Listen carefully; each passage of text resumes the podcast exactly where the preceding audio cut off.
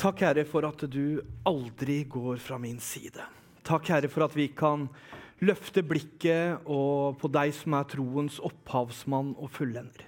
Takk, Herre, for at ikke det er ved egen kraft at vi bygger, bygger vårt rike, men at i din kraft kan vi være med å bygge ditt. Herre, vi legger denne forkynnelsen i dine hender. La det være dine ord som går gjennom min munn, og ikke noe jeg har funnet på sjøl. Takk, Gud, for eh, at du er her, at du ønsker å møte oss. I Jesu navn. Amen. For dere som ikke kjenner meg, så heter jeg Stian Hansen. Jeg er pastor her i menigheten sammen med Øyvind og jobber sammen med Peter. Jeg er utrolig privilegert å ha så mange fantastiske mennesker rundt meg. Eh, og det er litt av en situasjon vi står i. Eh, og samtidig så står vi midt i en fastetid som eh, fastetiden har vært med i den eh, kristne tradisjon fra 200-300-tallet. Eh, og, det har gått hvert eneste år siden da. Og fasten handler om en tid hvor man setter fokus, hvor man legger ned litt av de tingene som ofte er med å hindre fokuset vårt på Jesus. Eh, mobiltelefoner, eh, sosiale medier, mat for noen, fråtsing for andre. Eh, om det er seg selv og seg selv å legge av den ene selv og kunne fokusere litt på Jesus. Eh, og Det har vi gjort nå i tre uker. Eh, fra askeonsdag i begynnelsen av mars og fram til nå. Og vi skal fortsette fram til første påskedag. Så Som menighet så ønsker vi å virkelig eh, sette fokus på Jesus, vende oss om eh, og legge ned en del av de tingene som vi vanligvis gjør. Så For min del så har ikke jeg sett på en nettavis, så jeg, jeg får ikke med meg noe om krigen. Eh, men jeg får lov, altså sabbaten det er jo noe av er det noe kirkefedrene var gode på, så var det å finne unntak til regelen. sant? Så vi skal faste 40 dager mot påske, men det er unntatt sabbaten. Så da får man liksom fri. Da kan man gjøre litt som man vil. Så jeg fyrer jo gjennom alt som er av aviser fra solnedgang fredag til solnedgang lørdag. Så da har jeg fått oppdatert meg relativt godt uh, innen i dag. Eh, og, man ser jo virkelig, og som Øyvind sier, det ikke, har ikke vært sånn siden andre verdenskrig. Og en av de mest kjente teologene fra andre verdenskrig krig, heter Dietrich Bonhoffer. Han ble eh, henretta i eh, mars i 1945, altså rett før krigen var over. Eh, og Bonhoffer var en av de virkelige stemmene som sto opp imot den propagandaen som Hitler pøste utover sitt folk. Eh, og en av de viktigste elementene inn i Bonhoffers teologi er at vi må ikke forkynne billig nåde. For billig nåde det vender oss ikke mot Kristus. Det gjør at vi fortsatt bærer med oss den synden og den driten som vi bærer på, videre inn i livet vårt uten en bekjennelse. Og uten en bekjennelse så kan vi heller ikke bli satt fri og satt i frihet til å tjene Han vi er kalt til å tjene. Dagens overskrift er eh, 'Gamle anklager i nytt vesen'. Eh, og jeg vil, vil, begynne med et par historier. Eh, jeg vil begynne med en som heter Steffen. Eh, og Steffen han ble kalt Demon-Steffen. Steffen gikk med lange, svarte skinnjakker. Han hadde alltid en samekniv som hang ved siden av beltet hans. Han hadde arr oppover begge armene. Svære, dype arr. Han hadde vært innlagt mange ganger for å prøve å ta sitt eget liv. Eh, og denne Steffen er en Steffen jeg blir veldig glad i. Eh, og når jeg møter Jesus i 2008, så blir Steffen nysgjerrig på hvem jeg hadde møtt. Steffen han var denne røffe typen, og han hadde begynt å ruse seg når han var 13 år gammel. Han gikk alltid i svart og ble kalt demon og andre ting. Og plutselig en vårdag i 2009 så sitter han på kirkekafeen i Langesund og ber sitt Fader vår. Han bekjenner syndene sine og er på vei inn i frihet. Han hjelper meg med å skrape ned kirkekafeen. Han hjelper meg å male, han hjelper meg å bygge. Han er med på veldig mange av de flotte tingene, samme vandringen som jeg er på. Eh, det blir noen fall her og der, men han på en måte blir løfta opp. Så i 2010 så får jeg Steffen inn i behandling eh, borte Østfold. Eh, og mens jeg er på bibelskolen i Grimstad høsten 2010, så får jeg en eh, telefon fra en kollega av meg i Nav som sier at eh, Steffen har vært nå i behandling i åtte måneder, men nå skal han bytte behandlingssted, så han får én uke permisjon hjemme. Jeg er livredd for hvordan dette skal gå. Jeg var også livredd for hvordan dette skulle gå. To dager etter så får jeg telefon fra samme personen i Nav, og så forteller hun meg at uh, Steffen har valgt å henge seg i trappenedgangen til kjellerstua hjemme hos foreldrene sine. Jeg gråter. Et par av de jeg går på bibelskole med, som også vet hvem han er, og har sett hva han har bevega seg inn i, de gråter sammen med meg. Tommy André han var min bror. Og etter mange år med barnevern og at vi ikke hadde møtt hverandre, så hadde vi begynt å møtes litt igjen. Eh, han var alltid i bønnene mine. Jeg har alltid bedt for Tommy André etter at jeg møtte Jesus. Og han hadde en del flotte kristne mennesker rundt seg. Men Tommy André var en rastløs sjel.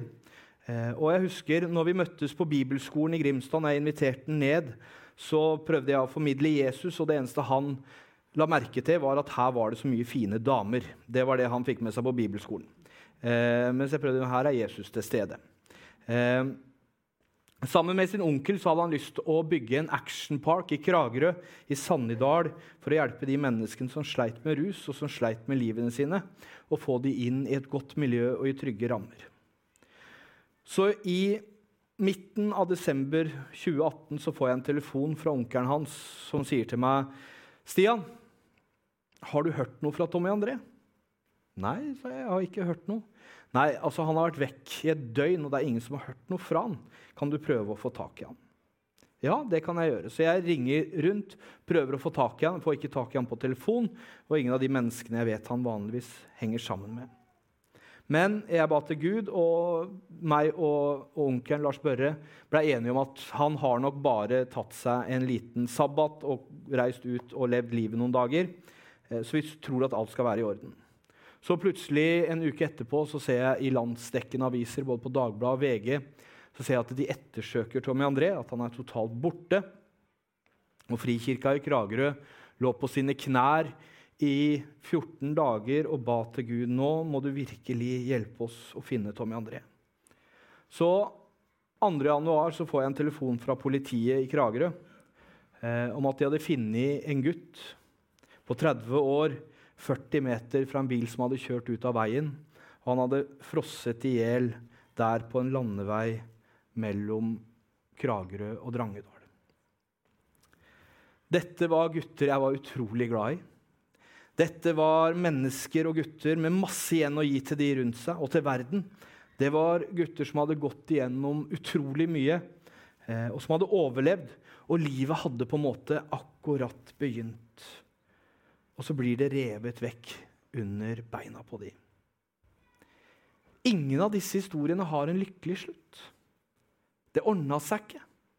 Jeg ba og jeg ba innstendig i tårer, og det ordna seg ikke i det hele tatt. Gud griper ikke inn på den måten jeg ønsker han skal gjøre det, og håper han vil gjøre det. Og jeg kan tenke meg at eh, når dere hører disse historiene, så kommer deres egne versjoner av deres historier frem i hjertene deres. Den dagen da planene deres ble lagt i grus, dagen da han eller hun sa at vet du hva, jeg kan ikke være sammen med deg lenger, jeg klarer ikke. Når du tok ut de siste pengene på kontoen din, og du ante ikke hvordan du skulle betale de regningene som kom neste måned, eller når legen på sykehuset sa det er ikke noe enkel måte å fortelle deg dette på. De du tenkte du skulle møte igjen, som du aldri møtte. De på telefonlista di som fortsatt står der med navn, men det er ikke noe menneske bak de. Lidelsene som vi nå ser i krigen, lidelsene vi alle sammen opplever, den ligger alltid på lur rett rundt oss. Den prøver å bite tak i oss, den ligger hele tida og nipper i hælene på oss. og av og til så får den lov å rive oss fullstendig ned i bakken. Noen av oss kommer oss aldri opp igjen. Noen av oss, og selv de som gjør det, vil alltid bære med seg disse sårene i en eller annen form. Og i lidelsene er det det sted hvor vi søker Gud mest og intenst, og det stedet hvor han oftest viser seg hardest å finne. G.K. Chesterton, en britisk forfatter og teolog, har et sitat som heter Det verste øyeblikket for en ateist er når han virkelig er takknemlig, men ikke har noen å takke. Og jeg tror på det. Jeg tror det er virkelig sant. Og så tror jeg det er like sant at det verste tidspunktet for en kristen er at når vi lider, og den guden som vi har brukt så mange timer og dager på å takke og leve for, han ender vi opp med å skylde på for alt det vonde som vi opplever. Det tror jeg er det verste punktet for en kristen. Og jeg har jo levd 25 år uten Kristus, og nå har jeg fått lov å leve må jeg regne, 13 år sammen med han. Eh, så når jeg sier 'gamle anklager i nytt vesen', så er det noe med at den, den personen jeg var eh, og den personen jeg, jeg tenkte jo at når jeg ble kristen nå, vet du, nå skulle alt gå så fint og så flott. Men disse historiene er fra etter jeg ble kristen. Mange av mine lidelseshistorier er fra etter at jeg ble en kristen. Det nye vesenet i Kristus er ikke unntatt lidelsene. Hver enkelt en av oss vil oppleve lidelser på den vandringen som vi går på. Det er vel et av de løftene som, til Jesus som er minst populære. I denne verden vil dere lide, men jeg er med dere alle dager inntil verdens ende. Og en historie fra, som virkelig på en måte maler dette bildet, er jeg hadde akkurat blitt en kristen. Dette her var i 2010. Jeg hadde vært rusfri i åtte, ni, ti måneder. Altså, det var hallelujastemning på bedehuset, og alt var sånn det skulle være. Så ble jeg invitert av en kamerat, en som er eiendomsutvikler på et pokerlag. Der kom en dataingeniør som jeg var godt kjent med, eiendomsutvikler. Litt sånn, eh, litt sånn fine folk i mine øyne den gangen. Eh, og vi sitter og spiller poker og tar oss noen øl. Og så plutselig kommer han ene opp Se, her har vi litt amfetamin. Jeg, nei, det, det, er jeg ferdig med. Jeg kan ikke det. Og så var det én øl til og litt poker til, og så kommer samme eiendomsutvikleren. Skal du ha, du husker, altså, Vi hadde det jo så kult i de åra her. Og så faller jeg for fristelsen 16. mai. Eh, og jeg husker, altså Da er jeg ferdig, da har jeg malt hele bedehuset. Jeg har gjort en fantastisk jobb. Jeg skulle ned på 17. mai og få masse skryt. Jeg skulle virkelig liksom få lov å stråle meg i glansen av de siste halvannet åra hvor jeg hadde jobba så vanvittig hardt. Og så sitter jeg hjemme den natta og får ikke sove, for det er en av eh, bivirkningene med amfetamin. at man får ikke sove. Og så hører jeg stemmen begynner å hviske bak i øret mitt. Nå har du driti deg ut for siste gang. Dette er det ingen som kan tilgi. Dette må, måtte du ikke gjøre. Nå har du falt i det fallet som ingen mennesker kan tilgi. Anklageren ligger og hvisker bak i øra mi. Nå bør du bare ta ditt eget liv. Og Jeg husker jeg tenkte Har jeg et tau? Har jeg, har jeg et eller annet jeg kan gjøre det med? Hele natta i fullstendig frykt, i fullstendig angst. Og jeg svetta, og jeg frøys. Altså, det var et mareritt, og denne stemmen ga seg ikke på noe som helst måte. Jeg reiste ikke ned til kirkekafeen den 17. mai. Jeg fikk telefoner. 'Hvor blir det av deg?' 'Vi savner deg.' 'Stian, hvor er du?' Jeg jugde så det rant av meg. Gamle anklager i nytt vesen de stemte overens. Han fikk tatt meg, men han fikk ikke tatt livet mitt for. Til slutt så klarte denne stille brisen å snike seg inn og sa Jeg er glad i deg for det. Jeg kan tilgi deg. Når du vender om til meg, så kan jeg tilgi deg. og jeg står her nå. Eh, sånn at det gikk jo bra. Eh, heldigvis. Eh, men anklageren, altså Satan på hebraisk altså oversatt så er det jo anklageren. Det er han som anklager oss hele veien. og han, Det å anklage oss i vårt nye vesen Altså Når alt går på skinner og alt er fantastisk og alt er flott, så er det utrolig vanskelig for anklageren å finne noe ammunisjon til å bruke imot oss. Når vi får til, får til, livet, vi får til bønnelivet, vi leser Bibelen hver dag Vi står liksom i, i, i djevelen dypper pennen av C.S. Lewis så beskriver eh, C.S. Lewis eh, et kristent hjem som på en måte oser av en duft som, som de onde åndene i, i helvete ikke, de takler ikke den. Det lukter vondt, sier han. Det er, det er helt forferdelig lukt. Til og med katta har den lukta når den går ut av huset. Det er helt forferdelig. Så anklageren har ufattelig store problemer med å altså anklage oss når vi lever tett på Bibel og bønn. Når vi lever tett i fellesskapet sammen med de hellige. Når vi ber sammen, når vi går sammen. Altså de fire b-ene. Bibel, bønn, brorskap og brødsbrytelsen. Når vi lever i dette, så har anklageren ganske vanskelig med å trenge igjennom. Men idet vi begynner inn i de gamle banene, idet vi begynner inn i de gamle tingene, faller i litt gamle uvaner, så er han der med en eneste gang. Hans eneste oppgave på denne planeten er å rive din tro fra hverandre. Han vil at du skal skylde på Gud for alle de lidelsene du går igjennom. Når du har det vondt, så er det Guds skyld. Når du mister noen, så er det Guds skyld. Når du har sykdom, så er det Guds skyld. Det er de anklagerne han kommer med hver eneste bide i gang. Og det her har han gjort fra helt fra begynnelsen av. Og i Første Mosebok, kapittel 3, vers 17, så står det det at jeg forban... Altså, Gud først tar han kvinnen, så, først tar han slangen, så tar han mannen, nei, kvinnen, og så tar han mannen. Og så sier han til mannen at på grunn av at du hørte på kvinnen, så forbanner jeg jorda du står på. Så eneste, hver eneste lille millimeter av den verden vi lever i, er infisert av synd og fordervelse. Det er et fantastisk utgangspunkt. sant? Nei, det er ikke det, for alt jobber på en måte imot oss. Og, og, og, djevelen bruker det for alt det er verdt. Og han elsker å anklage oss. Han elsker å ta deg når du feiler litt.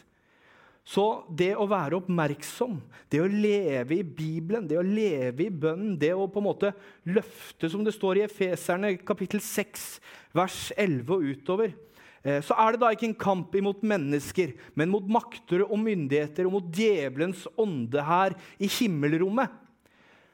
Ta derfor på dere Guds fulle rustning, frelsens hjelm, rettferdighetens brynje om livet, troens skjold, fredens evangelium på føttene og åndens sverd, som er Guds ord, sånn at dere virkelig kan stå imot på den onde dag. For anklageren, han gir seg ikke. Og han kan gå ned i de minste ting. Jeg kjente seinest på det i går. Eh, Søstera mi, altså min, min, eh, mitt biologiske søskenbarn, som jeg vokste opp med som søster, hun er ufattelig dårlig på å ta kontakt. Utrolig dårlig på å ta kontakt. Det er alltid, Jeg må alltid være den som drar. Og I går så tenkte jeg vet du hva, drit heller, nå gidder jeg ikke mer. For hun får bare seile sin egen sjø. Og så kom det en annen stemme. Ja, men Stian, tror hun på Jesus? Nei, det gjør hun ikke. Nei. Nei, skal du bare gi opp, da? Nei. Nei. Men altså de minste, små, lille tingene. Han prøver, han prøver, han prøver. han prøver. Og jeg tror du i løpet av, Hvis du prøver å være litt observant i den uka som kommer, og være, ta og lytte litt ekstra Hva er det som ikke stemmer inn her? Og jeg tror kanskje, eh, altså jeg har opplevd det i ekteskapet, kanskje noen av dere har opplevd det i deres ekteskap. Men eh, det, er et bitte lite bål som brenner mellom deg og kona eller deg og mannen. Sånn, det, dette, her, dette, her, må vi liksom fikse opp i. Og så føles det ut som det er en gigantisk skogbrann som brenner. Det er umulig for oss å få slokka det her. Sant? Det er djevelen som fyrer det opp og fyrer det opp til å bli noe det ikke er. Og så prøver Gud å si ja, men ta oss og se. Bekjenn. Tilgi hverandre. Forløs det. Og så skal du se. Mens djevelen sier nei, det er hennes skyld. Det er bare hun. Det er hun som ikke oppfører seg. Det er jeg som har rett. Sant? Da splitter han, og så hersker han, og så ødelegger han. Og den taktikken her, den har han brukt i mange tusen år. Og den kommer han til å fortsette å bruke helt til vi er ferdig. Så vi må ikke bli overraska. Så ta den uka som ligger foran nå, og lytt. Hva er det som ikke stemmer her? Hva er det som ikke stemmer? Det er som når politiet går inn, eh, inn i et rom. Her har det foregått et eller annet snusk. Hvordan ser dette rommet ut? Er dette sånn som det pleier å være? Nei, blod der, det er ikke normalt. Eh, at det ligger en pistol? Nei, heller ikke. Man finner de tingene som ikke helt passer inn i settingen, og så klarer man å luke de ut. Og jeg tror at hvis vi bruker den uka som kommer nå, og kanskje resten av fastetiden, på å prøve å fokusere på ok, på hvilke områder er det anklageren prøver å påvirke meg. På hvilke områder er det jeg kanskje slipper han litt for mye til? Er det etter at jeg har sett en serie på Netflix hvor de står og hogger huet av hverandre med sverd, eh, at jeg kjenner på litt av disse følelsene? Eller er det når jeg hører på heavy metal om eh, djevelen og alt det der, at kanskje det er da jeg kjenner på det? Eh, eller i hvilke situasjoner går jeg i egoisme? Hvilken, hvilke situasjoner er det jeg kjenner hjertet mitt blir hardt? Når jeg går forbi en som sitter med koppen sin i Markens gate, og jeg går en sånn liten ekstra runde, for jeg vil jo ikke egentlig. Sant? Hva, hva, hva er det djevelen sier da? Ha-ha, ha-ha, jeg vet det. Du, du kaller deg kristen, du, og så gir du ikke penger til hun dama som har sittet og strikka. Hæ, du kaller deg kristen, du? Dummeste jeg har hørt. Og så begynner vi å, å stille spørsmål ved oss selv. Ja, hva, hva, altså, så de, de, gamle anklagene de kommer og de kommer og de kommer og de kommer.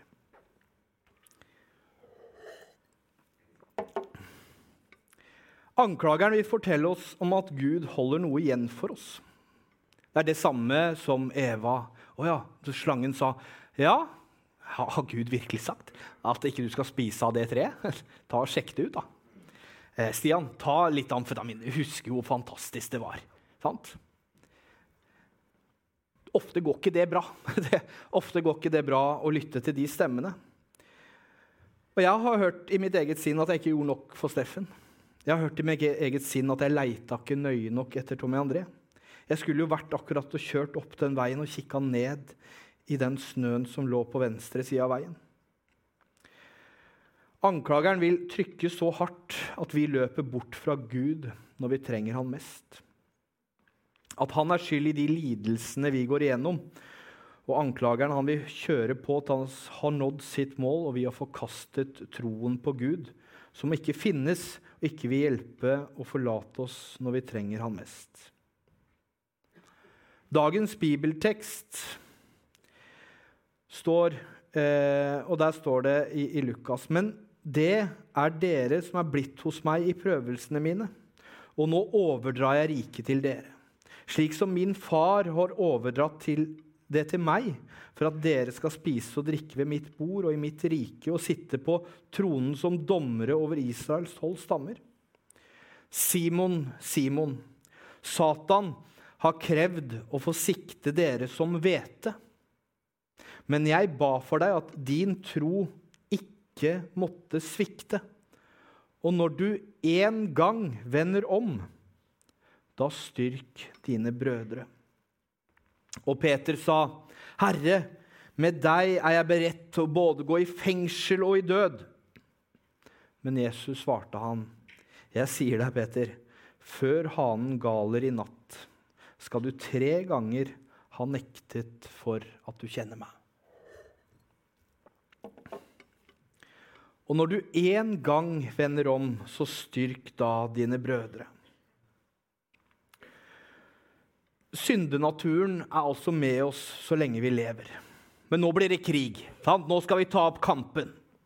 Paulus sier i Galaterne 5,17 at vår onde natur står i sitt begjær ånden imot. Og ånden står imot vår onde natur. De to ligger i strid med hverandre slik at dere ikke er i stand til å gjøre slik dere vil. En kristen er med andre ord en vandrende borgerkrig. Ja, vi er det. Hver enkelt en av oss. Vi er en vandrende borgerkrig. Jeg tror du har merka kampen. Du vil gjerne både lese og be og tjene Jesus av et fullt hjerte. Og jeg har møtt det bare i det å sitte med kollekten. Bare her forrige, forrige og, og det, Dette bekjenner jeg av et, et, rent hjerte, forhåpentligvis. Eh, men, men, for 14 dager siden så hadde jeg sagt til Gud jeg skal, gi, jeg skal sende 2000 kroner til Ukraina i kollekten. Og så satt jeg med en unge innpå der, og så fikk jeg ikke med meg det, og så vippsa jeg 1000 kroner. Og så reiste jeg hjem. Og så Ja, Stian? Ja? Ja. Det, sant? Den kampen tapte jeg, og så måtte jeg vippse 1000 der. Men, men, ja, men altså, det lå, det lå, så i naturen. sant? Man må gjerne ha pengene sine. Man må gjerne ha de tingene man har. Det er vanskelig å på en måte skille seg med noe. Eh, og jeg, jeg, husker jeg så en film en gang hvor det var en mann som han, eh, Båten hans gikk i stykker ganske langt fra land. Og så begynner han å drukne og så begynner han å svømme. og så Gud, Gud, redd meg! Hvis du redder meg, så skal jeg gi deg alt jeg eier. Og så fikk han styrke til å svømme enda litt nærmere.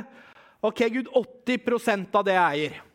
Og så enda, og Han begynner å innse at nå begynner jeg å kunne klare det. Ok, Gud, du skal få 50% av det jeg eier.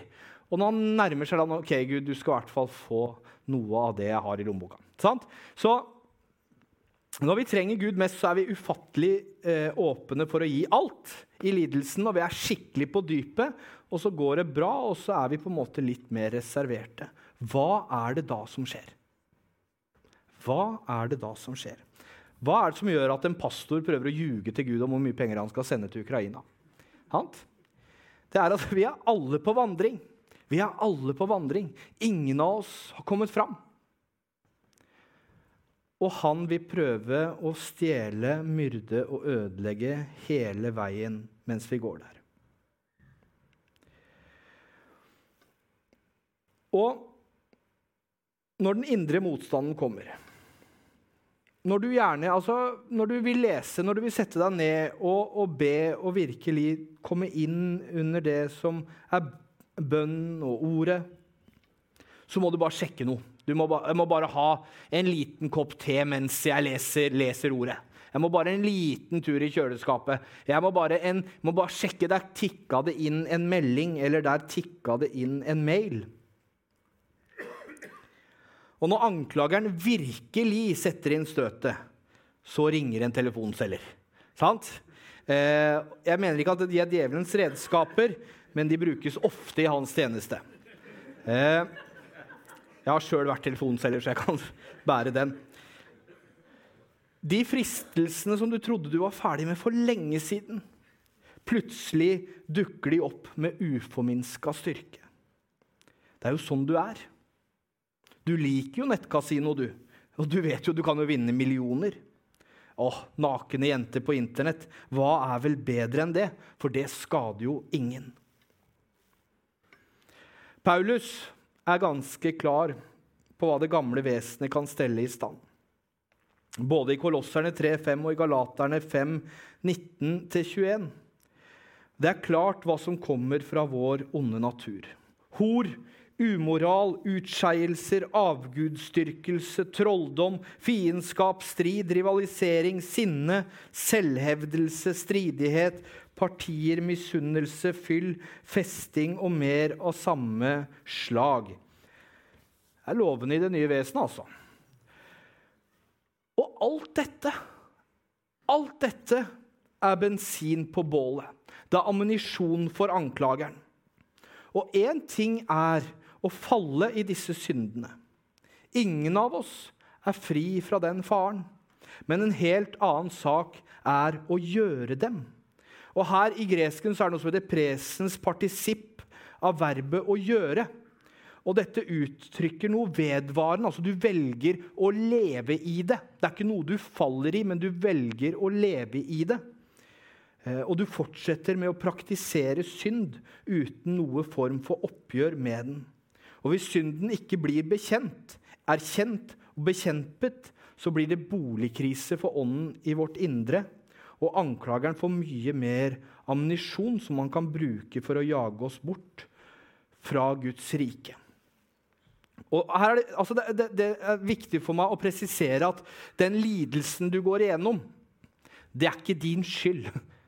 Den, den, lidelsen som vi opplever, det er ikke din skyld. Av og til, altså når jeg på en måte holdt på å ta mitt eget liv der 16. mai, så, var det min egen skyld. Jeg hadde falt i en fristelse, jeg hadde bevisst gjort et valg som jeg valgte bort fra Jesus, og synden var konsekvensen i det valget jeg holdt på å gjøre. Men får man kreft, får man diagnoser, så er det ikke pga. at du har noe uoppgjort synd. Det er pga. det Gud sa til, til eh, Adam at 'grunn under deg forbanner jeg'. Hvert eneste, hver eneste millimeter av denne planeten er gjennomsyra av synd. Derfor opplever vi lidelse, for denne verden er en fallen verden. Men anklageren prøver å bruke det imot oss, sant? så det er jo din skyld. Nå må du, nå må du skjerpe deg. sant? Eh, men så er det ting i livene våre som gjør at vi eh, lever kanskje ikke sånn som vi burde til enhver tid. Og her kommer virkeligheten av den historien vi er. Og den historien vi har inni oss, og den historien vi lever ut. Og historien om lidelse er noe som gjennomsyrer hele Skriften, fra første side til siste kapittel. Dette, altså I Matteus, eh, nei, Johannes 16, 33 så står det Dette har jeg sagt dere, for at dere skal ha fred i meg. I verden vil dere ha trengsler, men vær frimodige. Jeg har seiret over verden. Og i Matteus 6, og som Øyvind også i, i stad med Fader vår, så står det i vers 13.: Led oss ikke inn i fristelse, men frels oss fra det onde. Og mange kommentarer og kommentarverk sier at i stedet for det onde, så er det han onde. Frels oss fra anklageren, slik at han ikke kan ta livet av min tro. Og gjennom fristelsene som vi faller i eller blir i, så vil våpnene til anklageren bli mer kraftfulle. Historien som Jesus putter oss inn i, sier i stedet så handler om at han er fundamentet. At i denne verden så vil dere oppleve trengsler og lidelser, men pga. det han har gjort, så har han seiret over verden, så dere kan ha håp midt i lidelsene, midt i trengslene, midt i de verste stormene.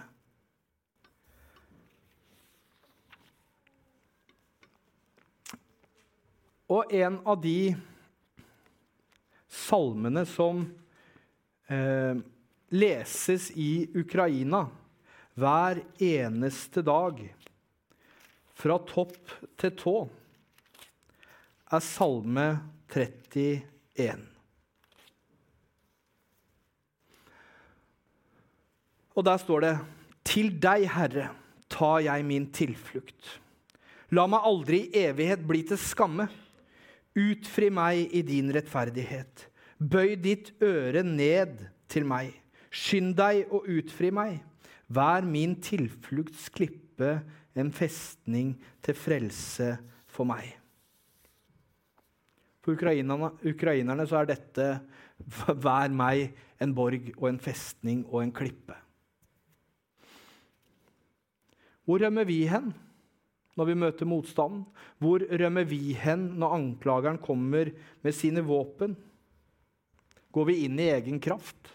Drar vi oss selv opp etter nakkeskinnet og skal virke? Nå skal vi kjempe på igjen.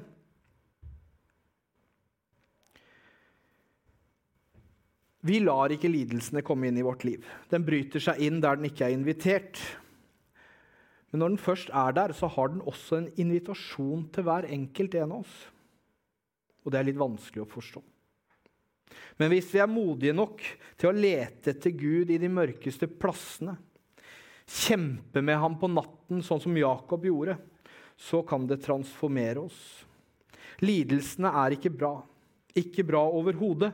Og alle vi som har vært igjennom det, vet akkurat det. Og det er her Jesus sin lidelse virkelig definerer hvor vi er på vei hen. Han som utholdt korset fordi han visste hva han hadde i vente. Løft derfor, dette er fra løft derfor blikket på troens opphavsmann og fullende, sånn at vi står det løpet. Står det løpet med blikket festa på han som er troens opphavsmann og fullender. Han som sto i disse lidelsene fordi han visste hvor han skulle hen.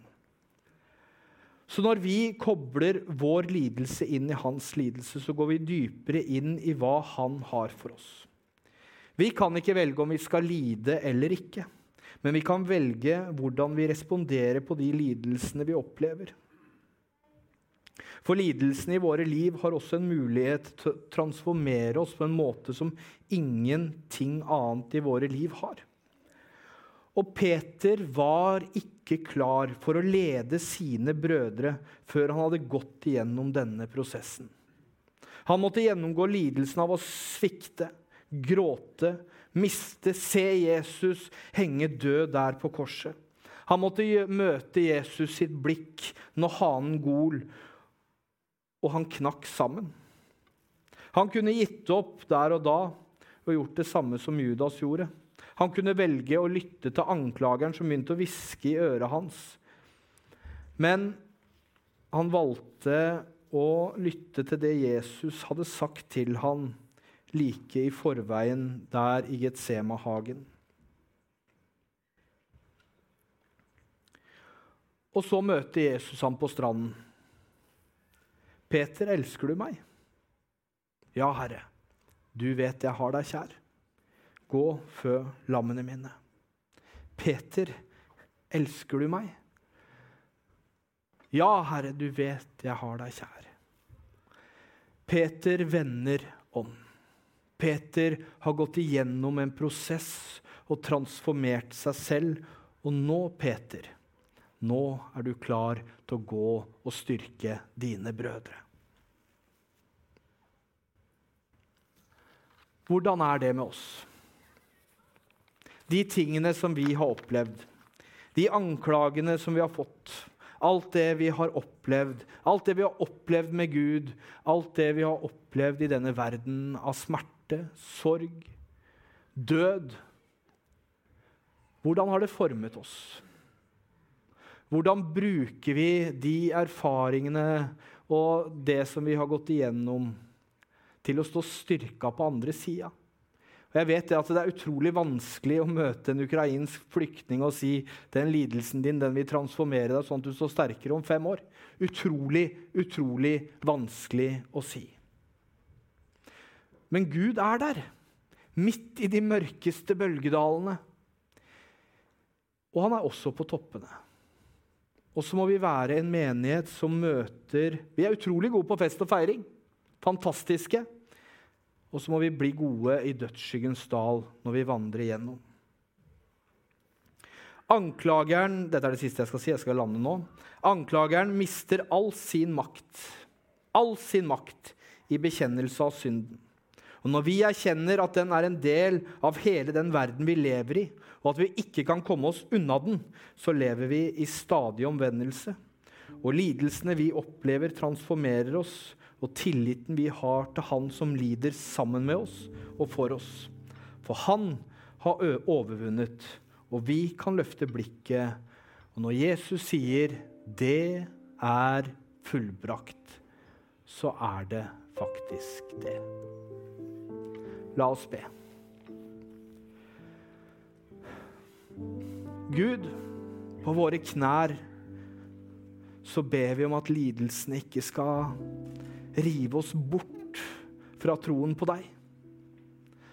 Herre, selv om, selv om vi vil skylde på deg, selv om vi vil rope til deg, selv om vi vil kaste all dritten på deg, så er du virkelig en som kan ta imot det. Men Herre, styrk oss i vår tro. Styrk, styrk oss i vår medmenneskelighet. La ikke anklageren bruke ammunisjonen mot oss. La oss stå styrka. La oss løfte troens skjold høyt, sånn at vi kan slukke de brennende pilene som han sender imot oss. Herre, hjelp oss. Hjelp oss til å stå fast i deg fra nå og til evig tid, helt til du kommer igjen og møter oss. Velsign hver enkelt her. I Jesu Kristi navn. Og menigheten sa amen.